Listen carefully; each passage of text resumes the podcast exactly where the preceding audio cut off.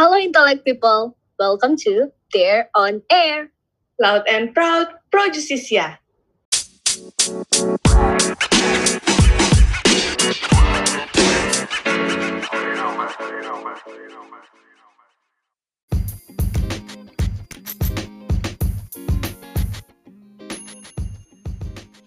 Halo Intellect People, welcome to podcast Dare on Air. Bersama aku Giovanni, dan di episode kelima ini aku bakal membawakan topik terkait urgensi pengesahan Undang-Undang Tindak Pidana Kekerasan Seksual atau UU TPKS.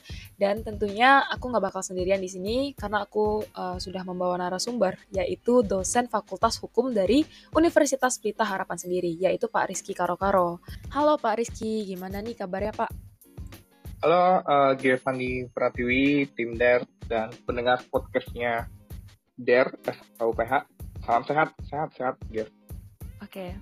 um, mungkin sebelum masuk ke pertanyaan-pertanyaan atau topik pembahasan, saya bakal menyampaikan latar belakang dari topik pembahasan kita terlebih dahulu. Jadi tindak pidana kekerasan seksual di mana disebutkan dalam pasal 1 angka 1 Undang-Undang Nomor 12 Tahun 2022 tentang tindak pidana kekerasan seksual memiliki arti segala perbuatan yang memenuhi unsur tindak pidana dan perbuatan kekerasan seksual lainnya. Terkait hal ini, Undang-Undang TPKS sebelumnya sudah menjadi suatu rancangan selama 10 tahun dan masuk ke dalam prioritas prolegnas sebelum disahkan pada 12 April 2022 lalu oleh Ketua DPR RI Bu Puan Maharani. Menurut data yang dikumpulkan oleh Kementerian Pemberdayaan Perempuan dan Perlindungan Anak, tercatat pada tahun 2020 terdapat 17.575 kasus kekerasan seksual pada anak, wanita, dan pria.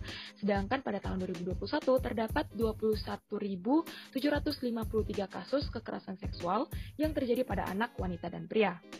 Salah satu faktor yang menyebabkan penambahan jumlah kasus ini yaitu kurangnya regulasi yang mengatur tentang kekerasan seksual, sehingga pelaku tanpa takut melancarkan aksinya dalam melakukan kejahatan seksual tersebut. Dalam hal ini, dapat juga dilihat bahwa terdapat urgensi yang mendorong disahkannya undang-undang TPKS tersebut. Masuk ke pertanyaan-pertanyaan pertama, eh, menurut Bapak, mengapa ada banyak sekali pertimbangan dan penolakan dan juga hambatan dalam pengesahan Undang-Undang TPKS ini sehingga uh, dapat kita lihat sendiri pengesahannya memakan waktu yang cukup lama dan uh, sebelum disahkannya pun undang-undang ini juga termasuk ke dalam prioritas prolegnas. Oke, okay, thank you Giovanni dan uh, pendengar DRPH podcast. Bicara sangat lama gitu ya, pasti uh, ada tarik ulur, tarik ulur dari uh, sisi pertimbangan baik dari DPR-nya sendiri atau di tahun 2012 dulu kan undang-undang ini namanya uh, eh, RUU PKS gitu ya, pencegahan kekerasan seksual. Itu tahun 2012 digagas oleh Komnas Perempuan, Komnas Perempuan gitu. Lalu uh, 2014 itu Komnas Perempuan menggandeng beberapa LBH untuk membuat uh, naskah rancangan undang-undang yang ya yang lebih terbaru gitu. Bicara pertimbangan gitu ya, pertimbangan yang satu yakni dari sisi kalau menurut saya ya, yakni dari sisi kepastian hukumnya. Kepastian hukumnya bahwasannya DPR lalu Komnas Perempuan khususnya tentunya uh, mengkaji lagi gitu kan mengkaji lagi urgensi dari uh, eh, RUU PKS dulunya RUU pencegahan kekerasan seksual. Itu dari sisi kepastian hukum karena banyak undang-undang yang harus disinkronisasi. Misalkan KUHP Kitab Undang-Undang Hukum Pidana lalu undang-undang perlindungan anak gitu. Karena kan salah satu subjek hukum dalam undang-undang TPKS adalah anak gitu. Lalu uh, uh, undang-undang lainnya misalkan undang-undang uh, pornografi lalu undang-undang ITE gitu kan itu dari sisi kepastian hukum dari sisi kemanfaatan. Dibilang cukup lama ya 10 tahun ya cukup lama di sini juga pasti ada pertimbangan kemanfaatan nih, karena uh, yang akan ditekankan adalah pemulihan korban, sehingga ada upaya gitu ya, upaya hukum baik restitusi, rehabilitasi ataupun kompensasi. Itu dari sisi kemanfaatan dan dari sisi keadilan bukan hanya korban gitu kan, tapi juga uh, masyarakat, kepentingan masyarakat serta pelaku itu sendiri. Pelaku itu kan memang uh, dipidana gitu ya kalau dia terbukti melakukan TPKS. Kalau sekarang sih belum belum ada ya, belum ada kasus yang uh, inkrah melanggar undang-undang TPKS ini gitu. Gitu, Devani dan oh. pendengar. Um, uh, sebelum adanya ini masuk ke pertanyaan kedua ya Pak, kedua Pak. Ya. Jadi um, sebelum adanya RUU PK, TTP, TPK, UU TPKS atau sebelumnya tuh namanya PKS. Uh, sebelumnya udah ada payung hukum yang mengakomodir kasus kekerasan seksual di Indonesia nggak Pak? Ya, uh, banyak sekali ya itu tersebar. Misalkan kalau dalam lingkupnya rumah tangga, tentu para pendengar pernah dengar undang-undang PKDRT atau penghapusan kekerasan dalam rumah tangga nomor 23 tahun 2004 tapi itu lingkupnya hanya dalam rumah tangga gitu ya. Gimana kalau pelakunya itu orang umum, korbannya orang umum juga gitu. KUHP, ya ada KUHP, khususnya pasal-pasal tentang kejahatan terhadap uh, korban ataupun sorry kejahatan terhadap nyawa ataupun badan, misalkan penganiayaan gitu. Tapi kan KUHP kita sekarang masih peninggalan Belanda ya, masih di WVS. Hmm. Nah, itu salah dua contoh dari dua peraturan yang sebenarnya udah eksis. Tapi, dua peraturan ini lebih banyak fokusnya kepada pelaku, penjaraan, lalu uh, kalau dalam KUHP pemenjaraan, lalu kalau dalam Undang-Undang PKDRT juga dari sisi sisi pelaku. Itu, Giovanni. Ya, baik, Pak. Hmm, kemudian, uh, menurut Bapak, apakah kehadiran undang-undang ini dapat membuat kasus kekerasan seksual di Indonesia itu uh, berkurang? Berkurang atau enggak, uh, kita kan bicara data ya. Kalau tadi Giovanni di awal menyebutkan data, itu kan data yang ter uh, terekap gitu ya. Karena saya yakin pasti di sekeliling kita ada korban yang malu gitu kan. Satu malu, dua merasa aib, tiga ya dia bingung mau lapornya gimana. Karena kalau misalkan uh, banyak jenisnya gitu ya, banyak jenis tindak pidana kekerasan seksual yang yang ada dalam Undang-Undang 12 2022. Saya sebutkan dulu ya, Giovanni dan pendengar ya. Nah, uh, eh, PPKS gitu ya, nanti teman-teman bisa lihat sendiri di pasal 4 ayat 1. Itu ada pelecehan seksual yang bentuknya non fisik. Non fisik itu apa gitu ya? Ya kalau saya pribadi itu contohnya catcalling gitu kan. Walaupun tidak langsung fisik, cuma berhubungan dan berkaitan dengan fisik. Kalau pelecehan seksual fisik, ya pasti misalkan uh, di transportasi publik yang baru-baru ini kan uh, sebenarnya ini bukan pidana kekerasan seksual, tapi dia lebih ke pornografi yang apa? Uh, ada pelaku eksibisionis gitu ya, itu ditangkap di kereta api listrik. Uh, saya lupa tujuannya. Nah, lalu yang ketiga ada pemaksaan kontrasepsi, lalu pemaksaan sterilis, sterilisasi, pemaksaan perkawinan, penyiksaan seksual, lalu eksploitasi seksual, perbudakan seksual, dan kekerasan seksual berbasis elektronik. Nah, ini jenis-jenis TPKS yang ada di Undang-Undang 12 2022. Walaupun di ayat 2-nya ada 10 uh, 10 yang berkaitan gitu ya. Saya tidak sebutkan, tapi salah satunya adalah uh, uh, perbuatan cabul atau juga pemaksaan pelacuran gitu. Oke, gitu. Pak. Uh, jadi ini ini terkait dengan pertanyaan selanjutnya juga. Tadi kan Bapak ada sebutin uh, kalau misalnya undang-undang TPKS ini kan mempertimbangkan uh, masyarakat luas juga. Makanya ini agak lama disahkan kayak misalnya uh, dari sisi pelaku juga itu dipertimbangkan juga. Nah, dengan disahkannya undang-undang TPKS ini tentunya juga pasti ada pihak yang kontra dengan pengesahan undang-undang TPKS ini. Itu pendapat Bapak bagaimana terhadap pihak-pihak yang berada di posisi kontra tersebut? Oke, okay. yang sisi kontra sebenarnya uh, dia bacanya hanya sekilas ya. Misalkan dulu uh, sisi kontra undang-undang TPKS adalah melegalkan persinahan, gitu kan? Ya nggak mungkin lah, gitu kan? Uh, itu satu. Lalu ya bisa dia nggak baca atau dia uh, ya menyebarkan hoax gitu ya, menyebarkan hoax itu.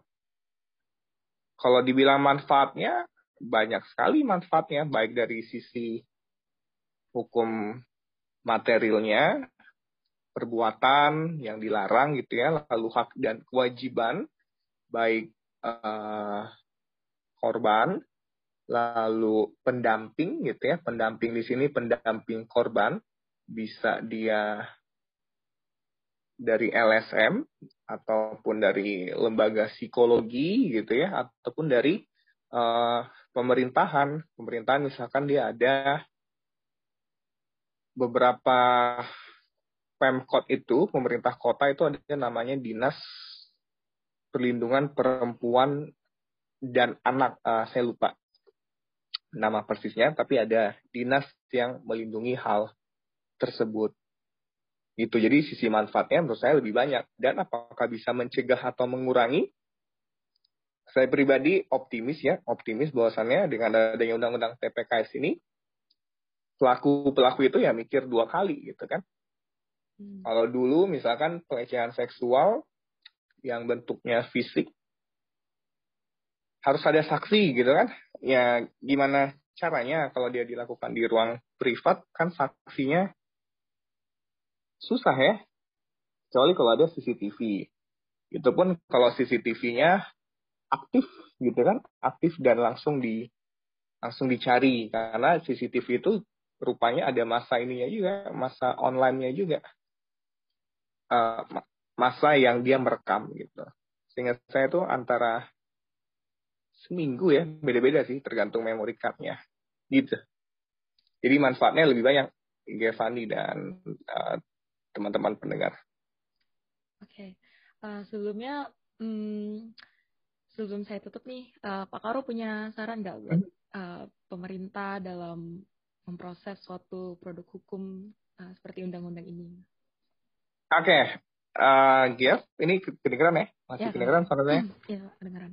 Ya, kalau dari saya, uh, acara podcast DER UPH ini ini salah, salah satu bentuk sosialisasi adanya undang-undang TPKS. Jadi semoga yang mendengar gitu ya, uh, mendengar suara, mendengar podcast ini, uh, yuk korban untuk speak up gitu. Kalau korban takut untuk berbicara ke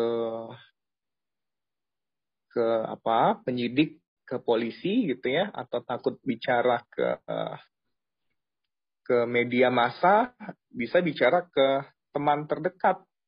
Atau kalau dia di bangku perguruan tinggi ataupun sekolah, bicara ke guru, guru terdekat. Nah, guru ini nanti akan uh, mendampingi untuk membuat pengaduan. Karena kan korban pasti trauma, gitu ya.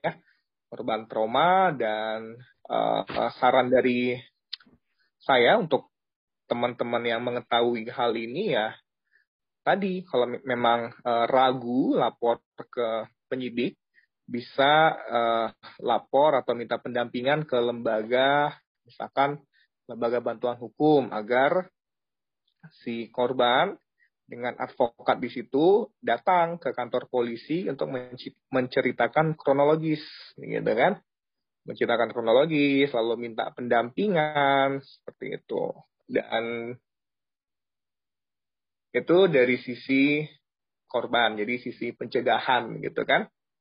Kalau untuk oknum-oknum, oknum-oknum, sebaiknya ya tidak melakukan gitu ya, apa pun uh, bentuk uh, kekerasan seksualnya, apakah secara online gitu ya, online kan misalkan uh, anak muda pacaran gitu ya, lalu kalau putus dia ngancem-ngancem akan menyebarkan foto privat lah atau apalah gitu ya, itu kan salah satu bentuk tadi kekerasan seksual berbasis uh, elektronik gitu. Dan terakhir bahwasannya korban punya hak hak untuk mendapatkan pemulihan baik dari pelaku dalam bentuk restitusi gitu ya atau nanti e, dari negara tapi kalau dari negara harus melalui lembaga perlindungan saksi dan korban gitu.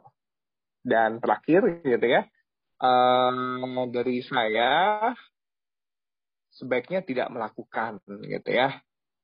Tidak melakukan karena ya uh, ada sanksi pidana pemenjaraan bagi yang terbukti. Dan untuk uh, saran bagi aparat penegak hukum bahwasannya ya kita baik dalam profesi advokat, polisi, jaksa dan juga hakim dengan adanya undang-undang TPKS ini ya ini adalah uh, bentuk kepastian hukum untuk melindungi dan memartabatkan kembali korban agar korban um, merasa hidupnya bermanfaat kembali gitu. Jadi traumanya harus bisa di dihilangkan. Gitu, dia Fanny dan eh, teman-teman uh, pendengar der podcast. Uh, jadi jika bisa saya simpulkan hasil diskusi kita pada hari ini yaitu yang pertama, pengesahan UU TPKS memakan waktu yang cukup lama dikarenakan adanya pertimbangan dari DPR sendiri, misalnya dari sisi kepastian hukum, kemanfaatan, dan keadilan bagi masyarakat baik korban maupun pelaku. Yang kedua, terdapat dua peraturan tentang kekerasan seksual di Indonesia sebelum disahkannya UU TPKS, yaitu Undang-Undang PKDRT nomor 23 tahun 2004 di mana hanya berlingkup dalam rumah tangga dan juga dalam KUHP misalnya pasal penganiayaan. Namun dua peraturan ini lebih fokus ke pelaku kejahatan seperti pidana penjara dan lain sebagainya. Yang ketiga, dengan kehadiran UU TPKS di Indonesia, menurut Pak Karo dianggap dapat mengurangi kasus terkait kekerasan seksual. Hal ini dikarenakan isi pasal yang membuat pelaku berpikir dua kali untuk melakukan kejahatan seksual.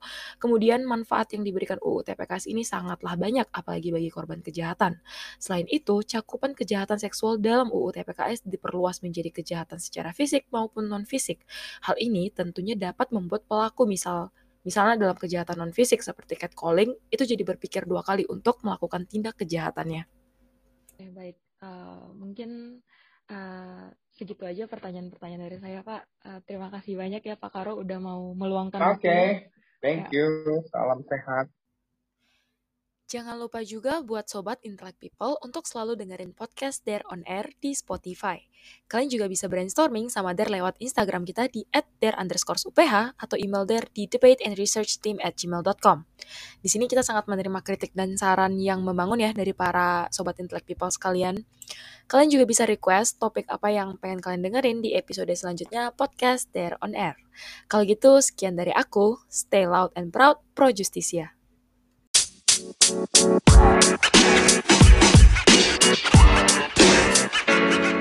man. You know, man.